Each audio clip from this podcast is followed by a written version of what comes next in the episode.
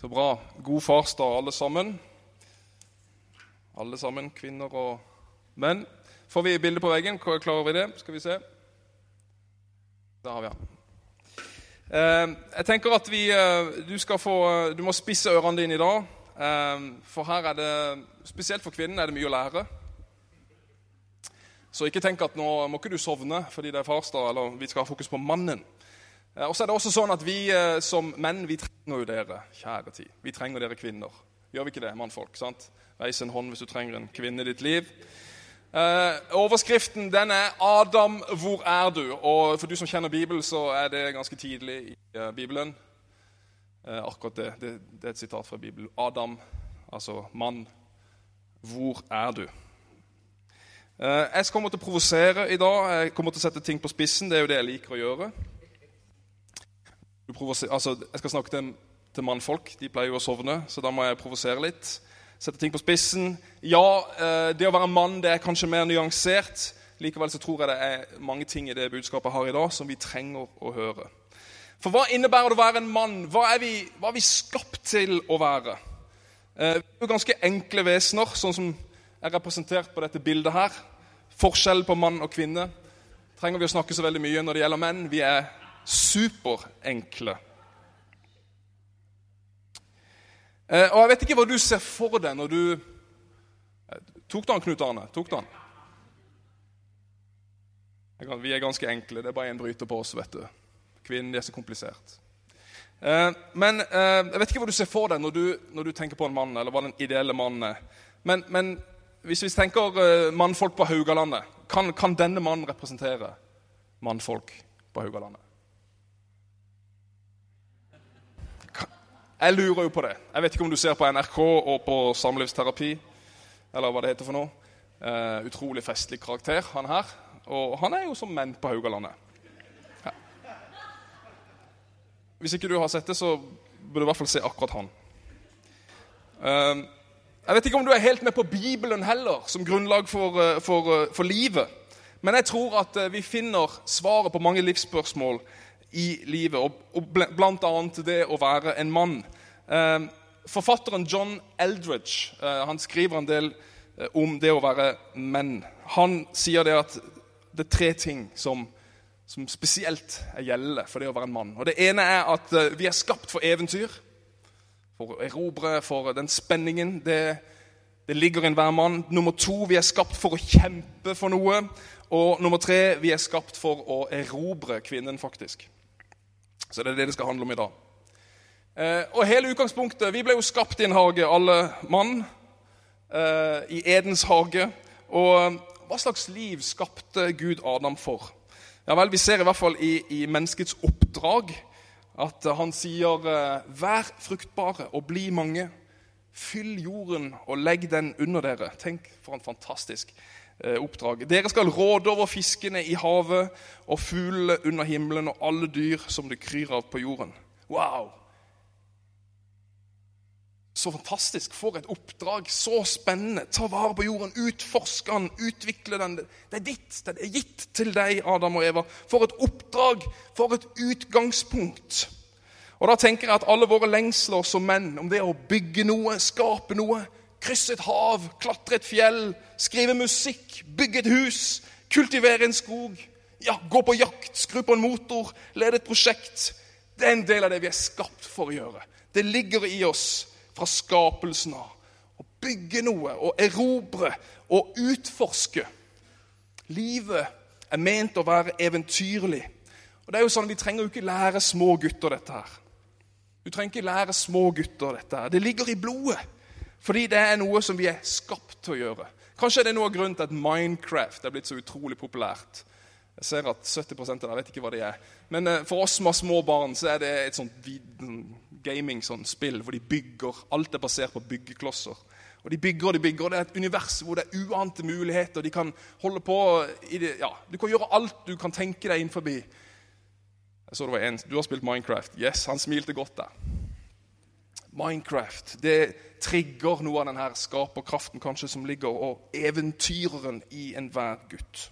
Så det er mange jenter som liker det òg, selvfølgelig. Men med dette oppdraget som Gud har gitt oss, så er det alltid en fare ved det. Det er en risiko. Og der er jo ofte mor veldig god. Hun har omsorgsrollen. Det er i hvert fall en del av hennes rolle i dette oppdraget. Omsorgen. Vær forsiktig, gutten min. Husk at du kan skade deg. Tenk hvis om at Ta på deg lua. Det er ofte mor som ikke får sove når barna er ute på farefulle oppdrag. Det er så godt å ha en omsorgsfull mor. Du vet, Vi som menn vi trenger ikke, eller som sønner vi trenger ikke bekymre oss, for mor bekymrer seg nok. Sånn er det. Jeg har, jeg har ingen bekymringer i livet, for min mor bekymrer seg for meg. Det er litt sånn. Um, og I denne sammenhengen så spiller far derimot også en veldig viktig rolle. En vekt, viktig mentorrolle. For han skal gi gutten mot til å gå ut i dette oppdraget, til å leve på dette eventyret. Og Spesielt så er dette alvorlig når, når gutten er 10-12 år. Når gutten begynner å forme sin identitet. Hvor er det han ser da? Jo, han ser selvfølgelig til mor også, men han ser spesielt til far. 10-12-årsalderen. Han har lyst til å bli sånn som deg. Du hadde lyst til å bli som pappa når du var 10-12 år gammel. Det går fort over, jeg vet jo det. det er Bare noen år til så er jo jeg den største dusten. Eh, men nå er det veldig viktig, og han ser opp til meg. Og Noah han spør etter meg daglig. Katrine sier det. Hvis jeg sover litt lenger på morgenen fordi jeg jobber til sent på kvelden alltid, pappa, hvor, det første, 'Hvor er pappa? Hvor er pappa? Hva skal pappa? Du er så mye vekke, pappa.' Han er kjempeopptatt av far, og det ligger nok i dette. Pappas ord, pappas handlinger, det former oss, det utvikler oss, og det forbereder oss på dette eventyret som livet er ment å være. Og Derfor kan heller ingen såre en sønn eller en gutt som pappa. det er farsdag i dag. Om ikke du har barn, du har uansett en far. Eller du er i mangel av en far. Ingen kan såre en gutt som pappa. Og det er vondt å høre hvor mange av oss som Elisabeth nevnte, hvor mange av oss som har et anstrengt forhold til far. I, i første Samuels bok i, i Bibelen, i kapittel, kapittel, 16, der kan vi lese om, om David som salveste konge av profeten Samuel. Og Isai det er altså pappaen til David. Han får at profeten er på vei. En konge blant en av hans sønner. Og jeg tenker Isai, denne faren, han må ha hatt en fantastisk dag der han stiller disse guttene sine opp. Han hadde mange. Han stilte de opp én etter én og venter på Samuel skal komme og velge ut en. Men så finner han ikke en konge iblant Isai sine sønner. Så han spør var dette alle, var dette alle guttene dine. Nei, svarer Isai. Det er enda en igjen. Den yngste, svarer han, står det i Samuels bok. Og Det er så mildt og forsiktig oversatt i vår bibel, men dette ordet 'det yngste', eller 'hakaton' på hebraisk, det betyr den ubetydelige. Den minst respekterte. Og Dette ordet er faktisk det første ordet som er brukt om David i Bibelen. Du hørte rett. Troshelten David, forbildet David, mannen etter Guds eget hjerte. Han var nærmest ubetydelig for sin egen far, og antageligvis ikke et likeverdig familiemedlem engang troshelten David. Og Hva dette gjorde med David, det vet vi egentlig lite om. Men da han endelig entrer denne utvelgelsen, så står det om han at han var rødkinnet, hadde vakre øyne og et godt utseende. Ja, Det er nærliggende å tro at, at David ikke bar på noe nag og ikke noe bitterhet til tross for sin plass i familien. For noen få vers lenger ned så kan vi lese at han er en modig og djerv kriger, står det. Han snakker forstandig og har et godt utseende. Og Herren er med ham. For en flott beskrivelse. Her har vi en mann, en mann som blir sett ned på av sin egen far. Han hadde all grunn kanskje til å være bitter og sint på livet. Men så er det motsatte sant. Og grunnen til det tror jeg er denne setningen Og Herren er med ham. Han måtte merke at Gud tok ham på alvor og han må ha erfart sjøl, spesielt når han skriver i Salme 27, om far og mor forlater meg, så vil Herren ta imot meg. Om far eller mor forlater meg, vil Herren ta imot meg. Og Pga. den erfaringen at Gud var med han, så kunne han løfte hodet og våge å møte livet med mot. Gud var med han. Jeg vet ikke hvordan ditt forhold til din far er. Du vet, Mange menn, mange av oss, vi går hele livet, ja, langt etter at pappa er død, faktisk, og jobber med å være god nok for far. Kanskje har du levd i skyggen av andre søsken. Kanskje gjorde du andre valg enn det far ønska at du skulle gjøre, eller forventa at du skulle gjøre. Kanskje nådde du aldri opp til, til fars standard. Men vi er, vi er ganske tøffe på de områder hvor vi har sår. Og Mange menn sier at de faktisk opplever å ha en liten gutt inni seg. Og så misliker de veldig sterkt den delen av seg sjøl. Når denne gutten begynner å si noe, så slutter å være så sutrete. Når følelsen kommer, denne gutten, når den begynner å snakke inni oss og, ah, Ta deg sammen, mann. Vær en mann. Det er ikke plass til de såre følelsene. Såret fra far det gjør oss uavhengige og ensomme. Vi skal liksom klare oss sjøl. Vi skal vise at ikke vi trenger andre. Vi er selvforsynte. Litt sånn fleipete, da, men hvis far har kjørt seg bort på ferien med familien i bilen, stopper han og spør etter veien da? Det er vanskelig for menn å spørre etter veien, er det ikke det? Vi skal klare oss sjøl. Men innerst inne altså, så har vi en liten gutt, hver og en av oss, som egentlig trenger en klem. Vi skal ikke ha sånn klemmemøte etterpå, altså. Men inni oss så har vi en liten gutt alle mann, og vi trenger en klem. Farssåret er farlig også fordi vi for så fort misforstår hva evangeliet handler om. Vi ser gjerne på det som en mulighet til å ta seg sammen. Nå er det en mulighet for meg å være flink gutt. Mens evangeliet er egentlig akkurat det helt motsatte. Der det handler om at far i himmelen, han elsker meg, og han sier 'kom til far'.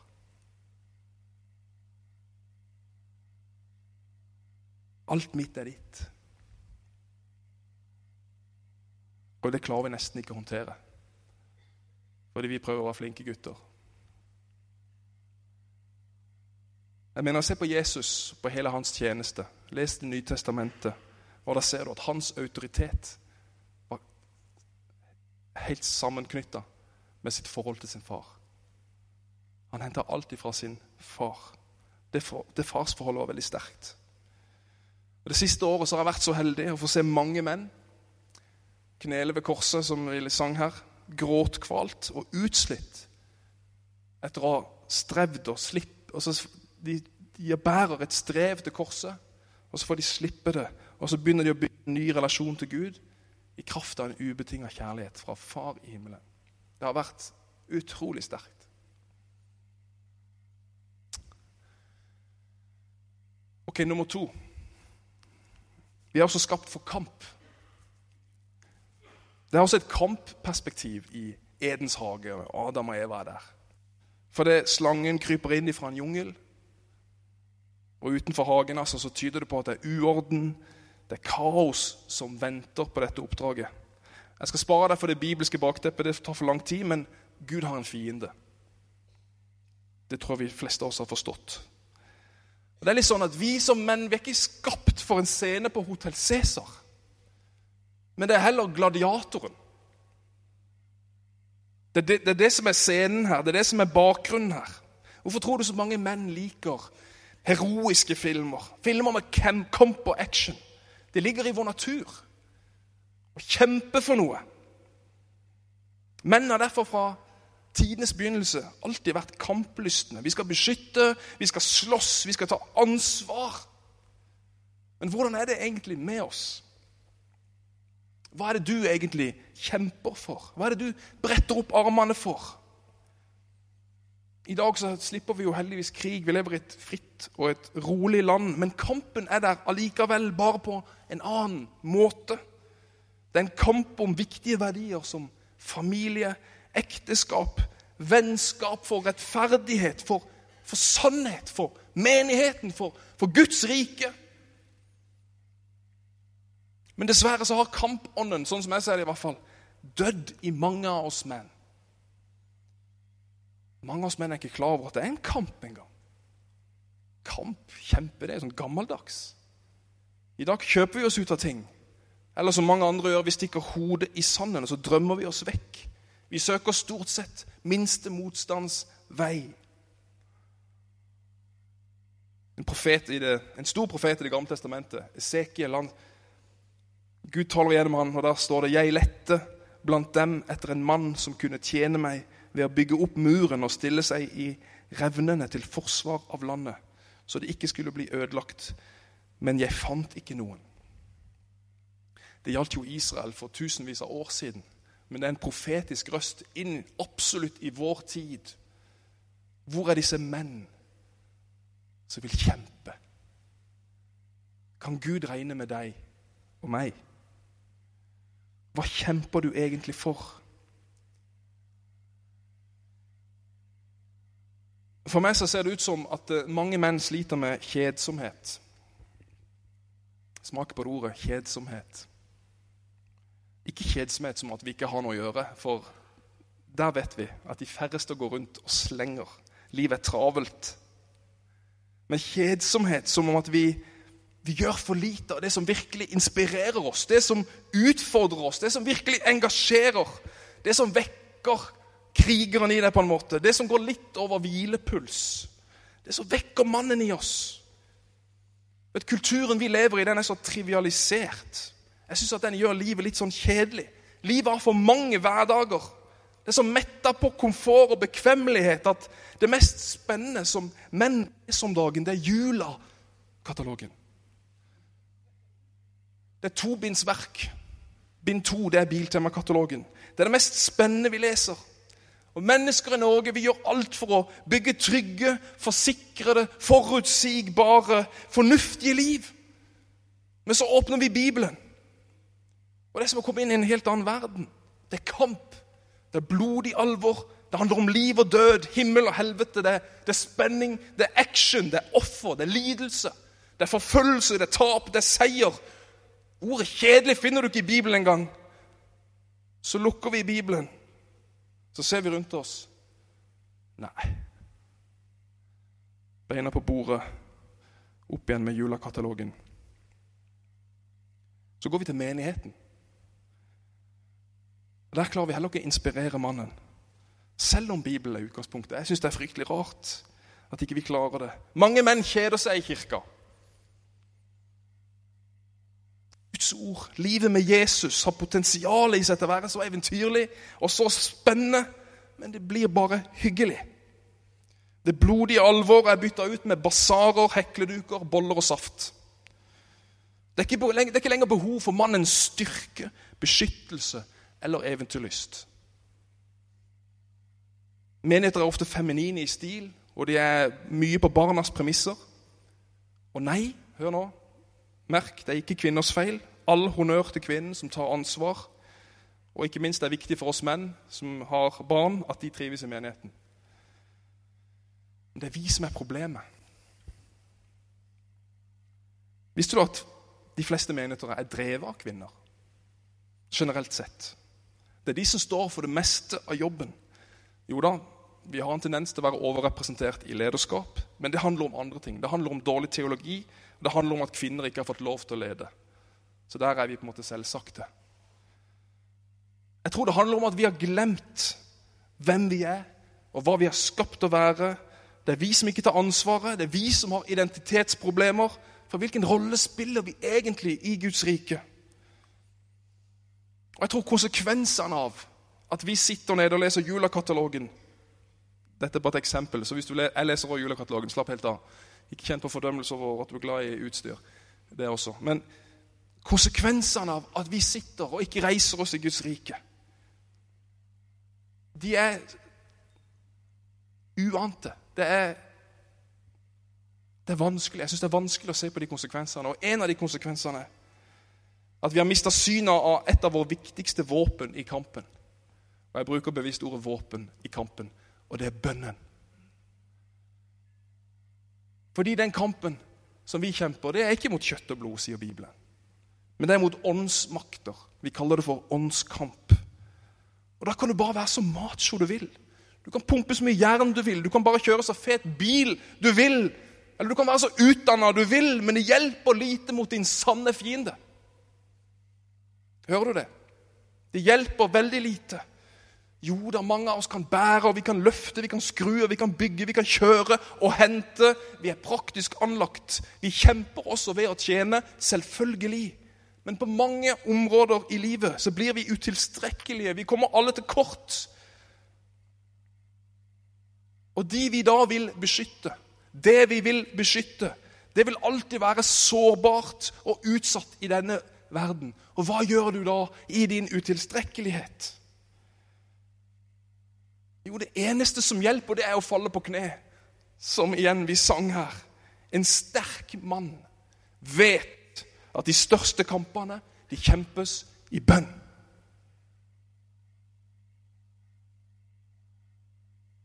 Bønn er en gave. Bønn er en gave fra Gud. Det setter himmel og jord i bevegelse. kommer vi på alle de tingene ikke vi har fått svar på. Men Guds ord sier at en rettferdig manns bønn utretter mye. Eller han er effektiv. Men hvordan er det med ditt bønneliv? Mange av oss menn vi syns bønn er vanskelig. Men hva er det som holder oss igjen fra å be, fra å ta opp kampen i bønn? Om vi bare hadde visst hvor mye kraft det er i bønn, så hadde vi bedt mye mer, tenker jeg. Vi som snubler i ordene, og vi som ikke klarer å be høyt, det er normalt, det er helt greit, og du trenger ikke be høyt. Men hvis vi bare hadde visst hvor mye kraft det er i bønn, og hvor nødvendig det er for en mann å be, så hadde vi nok bedt mye mer. Men det er skjult for oss. Jeg tenker at Bønnemøter burde jo egentlig vært en sånn mannegreie. Fordi det, det handler om kamp. Det er liksom det der du kan stille med sverd og vikingrustningen. på en måte. Yes, det er kamp. Men så er det blitt en sånn kvinnegreie.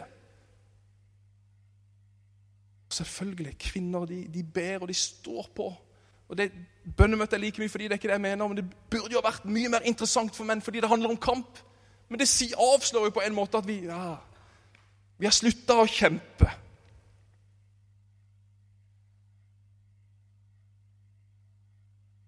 Jeg elsker å be sammen med menn. Jeg savner å be sammen med menn. Der kampen er åpenbar. Der det er normalt å rope. Bønnen skal liksom være så veldig pyntelig og pent. Telys, frukt-te i en trang sofa. Ja, det er sånn det er blitt. Men det er sånn kvinnene ber, og det er greit. La de be sånn. Vi kunne ha bedt i sinne, vi kunne ha ropt, vi kunne ha slått i veggen. Vi kunne ha gjort det på en sånn mandig måte. Men da blir du redd, ser jeg. Jeg glemmer aldri et bønnemøte jeg var på, der Viggo Klausen han var jo med på, på Menighetsviken vår, på turen vår. Han er jo to meter høy og han ser jo ut som, som, eh, som Goliat. Og da, da, Vi var på en sånn bønnegreie, og så, og så ba vi for barn. Og så kjente han et sånt veldig sinne over misbruk, altså incest, misbruk av barn. Og mannen setter i gang et brøl. vet du. Det var nesten så vinduene røyk, og alle falt i gulvet. Han ropte imot det der. Han var så sint på den åndsmakten. Sant? Husk, det er en åndsmakt, dette her. Så roper han til Gud i bønn. Det var så herlig og skremmende, men det var veldig kult. Jeg tror det var mange som våkna. Punkt tre. Så var det denne deilige kvinnen, da. Denne deilige Eva. Og de fleste menn vi lengter etter å erobre en kvinne. Gjør vi ikke det? Ja. Og Vi kan jo ikke snakke om menn uten å nevne kvinner.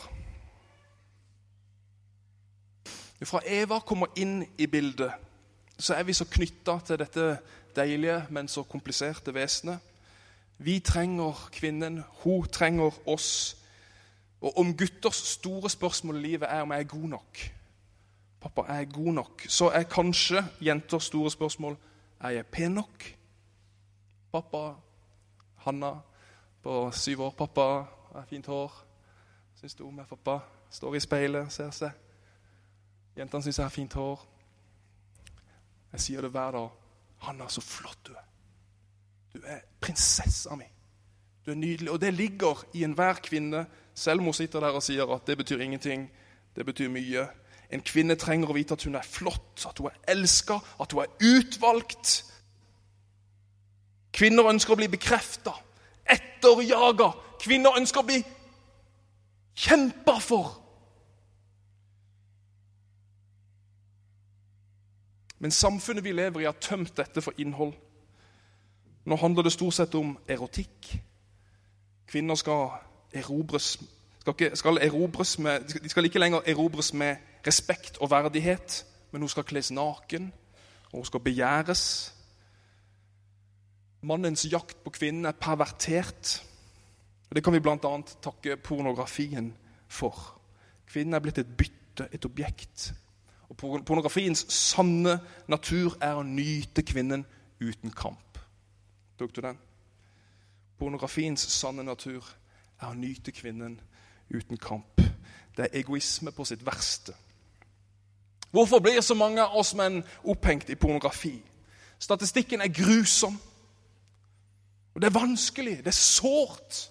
Mange er fengsla i dette. De ligger i lenker i pornografi. Hvorfor er det sånn? Og jeg tenker Årsaken er ikke nødvendigvis at sexen med kona er for dårlig eller at det er mangel på dame.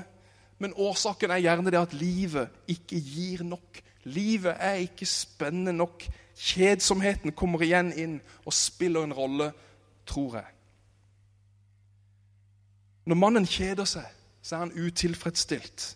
Og da kicker selvmedlidenheten inn. Husk, hør den. Selvmedlidenhet.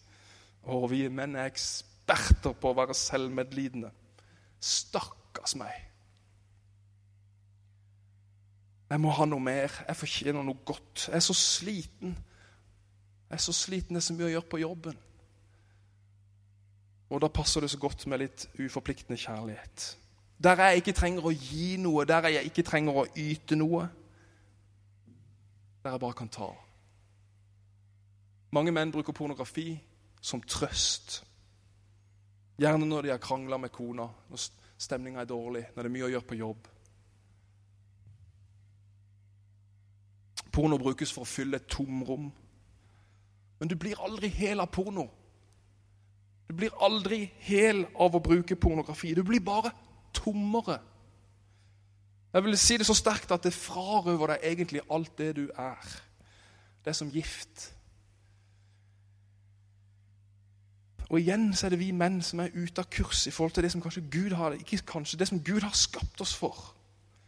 Vi som skulle kjempe for kvinnen, vi som skulle elske, vi som skulle ære henne, etterjage henne, beskytte henne, få henne til å føle seg som en dronning, så bruker vi heller henne til å få følelsen av at vi er menn. Men den følelsen vi da får, det er fake. Det kommer utenifra, det kommer ikke innenifra. Vi bygger ingen karakter, vi mister oss sjøl, og vi står i stor fare for å skade nære relasjoner, for ikke å snakke om ekteskap eller ditt kommende ekteskap.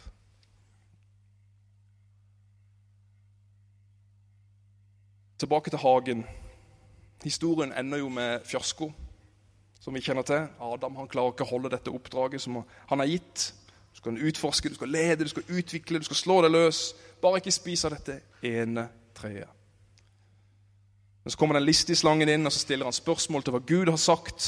Eva lar seg friste, og så står det nå fikk kvinnen se at treet var godt å spise og herlig å se på, et prektig tre. Siden det kunne gi forstand, så tok hun av frukten og spiste. Hun gav også mannen sin, som var med henne, og han spiste. Det er så, det er så mange som har lagt skyld på, på, på kvinnen, vet du. Det svake kjønnet, som noen sier. Men hva er det står her? Han var med henne! Ja, Albu til albu. Han står rett ved siden av. Han er ikke på trening. Han ser på alt som skjer. Han har ingen alibi. Men det er så deilig å legge skylda på kvinnen. Men Adam, han gjør jo ingenting.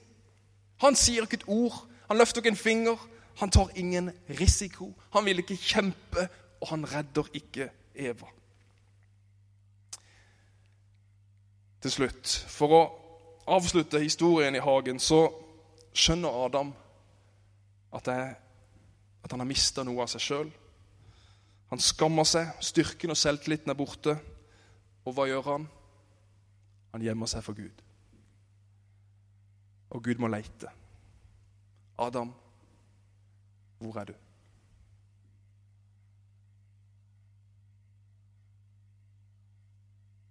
Hva gjemmer du deg bak? Hvor er du, mann? Du er gitt en viktig, sentral rolle i familien, i menigheten, i samfunnet, på jobben, der du er. Vi må finne tilbake til den gudgitte rolle, den gudgitte identitet. Og vi kan ikke sitte stille lenger. I 4M, i den organisasjonen som jeg leder, så sier vi at det høyeste punktet en mann kan nå i denne verden, det er ved foten av Jesu kors. Det høyeste punktet en mann kan nå i denne verden, det er ved foten av Jesu kors. Det er her vi finner oss sjøl. Det er her vi blir løst fra lenker. Det er her vi får salve til sårene våre. Det er her vi blir utrusta med kraft til å leve sammen med Han. Skal vi be sammen?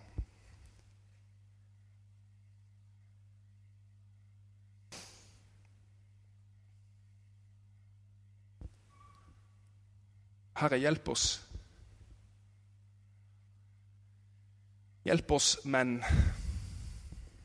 Og Nå får du be, du som er kvinne. Nå må du be for oss. Hjelp oss, Herre.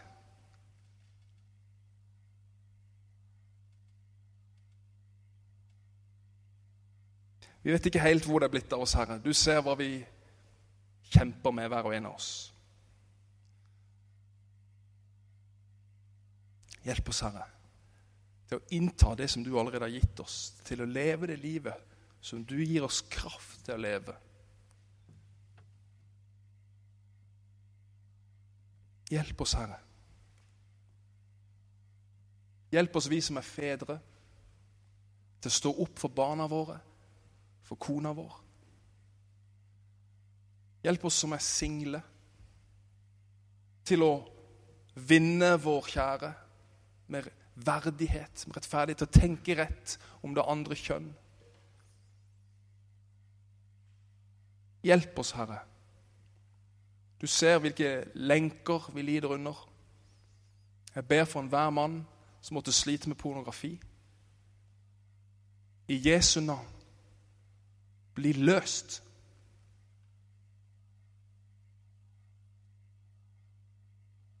For enhver av oss som sliter med farsforholdet, Herre, jeg ber om nåde inn i hvert liv som kjemper med papparelasjon. Det er vanskelig for oss, Herre. Før jeg ber videre, så siden det er farsdag og vi har fokus på mannen, så må vi gi en utfordring. Jeg tenker at Hvis du kjenner at åh, jeg har lyst til å reise meg Dette har jeg lyst til å gå inn i. Dette, jeg har lyst til å kjempe. Jeg har lyst på et mer eventyrlig liv. Ja, jeg har lyst på utfordringer. Ja, jeg har lyst til å leve et spennende liv med Gud. Jeg vil ut av kjedsomhet. Jeg vil kjenne at livet Yes! Jeg vil stå sammen. Jeg lengter etter mer. Jeg lengter etter å stå i bønnen. Alle disse lengslene dine. Så har jeg lyst til å utfordre deg på å reise deg opp. Og så vil jeg be en bønn sammen med deg. Og så vil jeg at damene de kan bare sitte, men de kan be for oss. Så hvis du kjenner at 'jeg har lyst til å reise meg som mann' Det betyr ikke at hver mann som reiser seg, og han sliter med pornografi og han har sår fra far. Det er ikke det som er poenget. Vi har ulike liv, alle mann. Men vi reiser oss fordi vi tar gudslivet på alvor. Jeg har lyst å leve med Gud som mann, og han skal definere meg. Så Vær så god, reis deg opp hvis du kjenner at 'yes, jeg trenger hjelp', jeg trenger forbønn for det. Jeg skal ikke kalle deg fram, du skal bare stå der og skal få sette det etterpå. Men jeg tror på en, en action, det å gjøre noe, hvis du har bestemt deg for noe. Modige menn som reiser seg opp, som ønsker dette. Det er lov å sitte.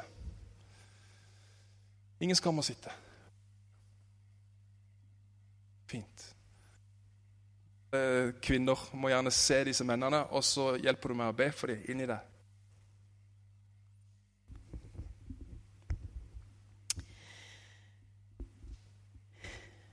Kjære far, jeg takker deg for Jeg takker deg for, den, for mannen og den vakre skapningen du har skapt han til å være, Herre. Jeg takker deg for uendelig kjærligheten du har til hver enkelt som er her inne. Jeg takker deg for din nåde for hver enkelt som er her inne. Jesus, må de få lov å erfare og kjenne det, at du reiser dem opp til å være den mannen du har kalt dem til å være. Til å være den som som, eh, som ser deg, som ser ditt hjerte, og som kan få erfare hvor høyt du elsker dem, og hvor høyt du setter dem, Herre. Jeg ber om at de skal få lov til å erfare det på hver enkelt måte, fordi vi er så forskjellige. Og jeg ber om at eh, de som har reist her, skal få kjenne det, at de står stødig og kan stå fast i den tida som kommer. Gi de nye øyne som ser. Gi de nye hjerte som erfarer. Jeg ber om det i Jesu navn.